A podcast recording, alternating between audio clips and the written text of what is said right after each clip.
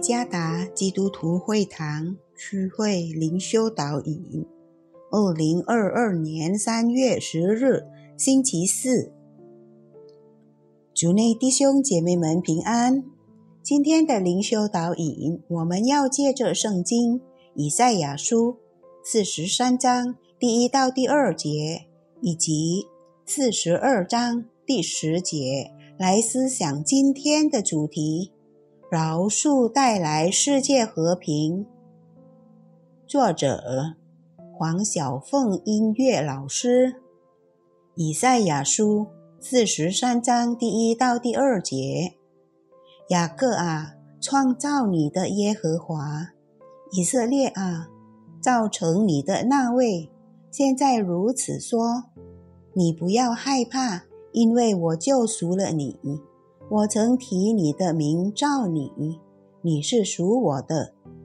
你从水中经过，我必与你同在；你趟过江河，水必不漫过你；你从火中行过，必不被烧，火焰也不着在你身上。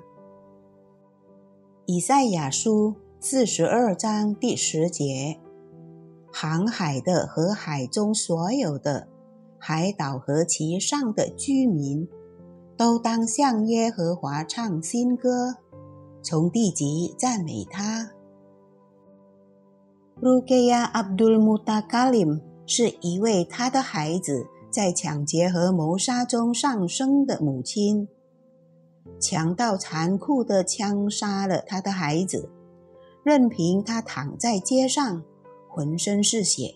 以及脑浆四溅散落一地，他的心灵破碎，精神崩溃。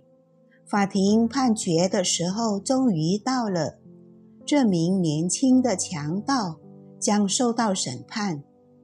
但令人惊讶的是，卢盖亚女士对杀害他儿子之嫌疑犯的回应，她说：“复仇。”解决不了任何问题，我的孩子也不会归还。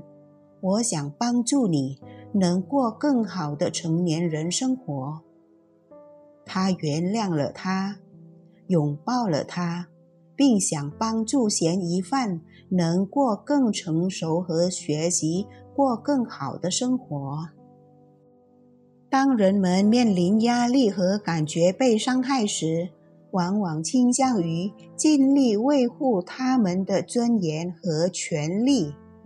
然而，上帝的话教导我们要饶恕那些犯错的人，以宽大的心胸来饶恕他人，乃是合神心意的。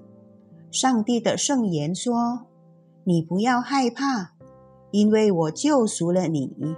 我曾提你的名召你。”你是属我的，你从水中经过，我必与你同在。以赛亚书四十三章第一到第二节，这是上帝透过先知以赛亚来针对那些伤他心的选民说的话。然而，上帝并没有毁灭他的子民，相反的，上帝施予他的饶恕。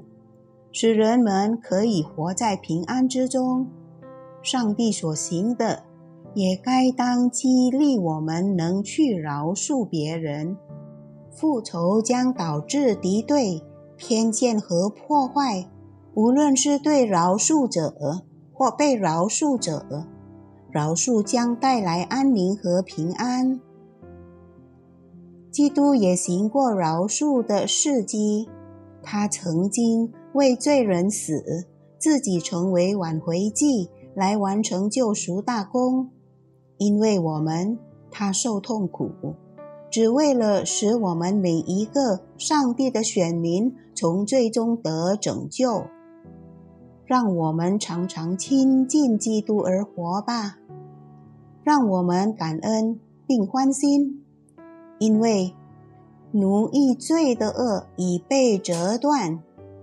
因为我们在基督里已获得胜利，我们就必须尽责任，按照他的旨意而活。